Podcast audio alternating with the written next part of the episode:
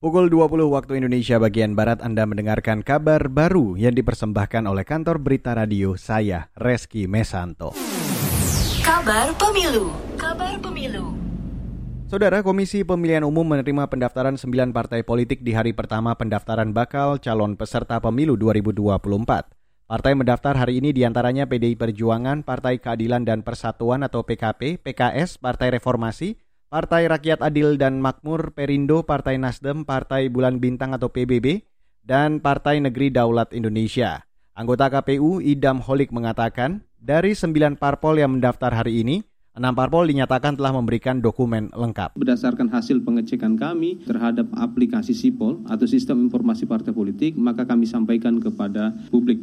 Yang pertama, Partai Demokrasi Indonesia Perjuangan dokumennya lengkap. Yang kedua, Partai Keadilan dan Persatuan dokumennya lengkap. Yang ketiga, Partai Keadilan Sejahtera dokumennya lengkap. Yang keempat, Partai Persatuan Indonesia atau Perindo dokumennya lengkap. Yang kelima, Partai Nasdem, dokumennya lengkap. Yang keenam, Partai Bulan Bintang, dokumennya lengkap.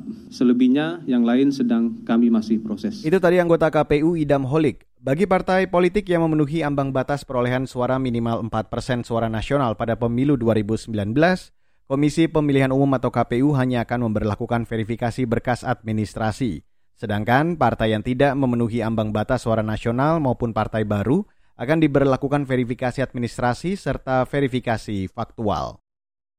Beralih ke informasi selanjutnya, Saudara. Badan Pusat Statistik mencatat terjadi penurunan harga minyak goreng selama tiga bulan terakhir. Kepala BPS Margo Yuwono menilai upaya pemerintah menekan harga minyak goreng mulai membuahkan hasil. Kalau dilihat pada perkembangan harganya, ya pada Juli 2022, penurunan harga minyak curah itu tercatat lebih dalam dibandingkan dengan penurunan harga minyak kemasan.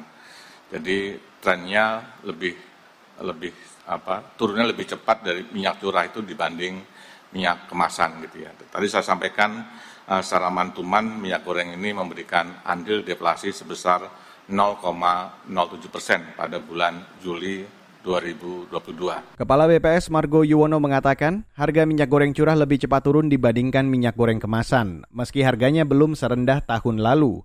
Dari pantauan BPS, harga minyak goreng kemasan turun menjadi Rp21.600 per liter di bulan lalu. BPS juga mencatat minyak goreng masih memberikan andil inflasi sebesar 0,29 persen pada Juli 2022.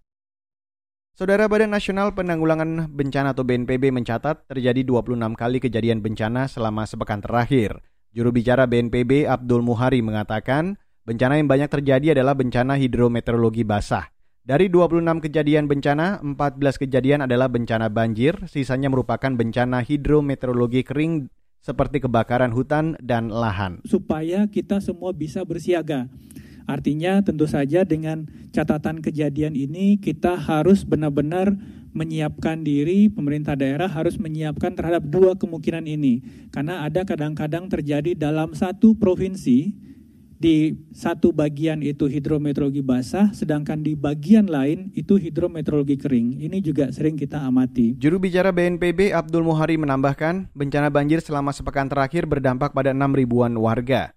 Muhari mengatakan bencana banjir terjadi paling dominan di Indonesia bagian tengah dan timur. Sementara bencana kebakaran hutan dominan terjadi di wilayah Indonesia bagian tengah dan barat.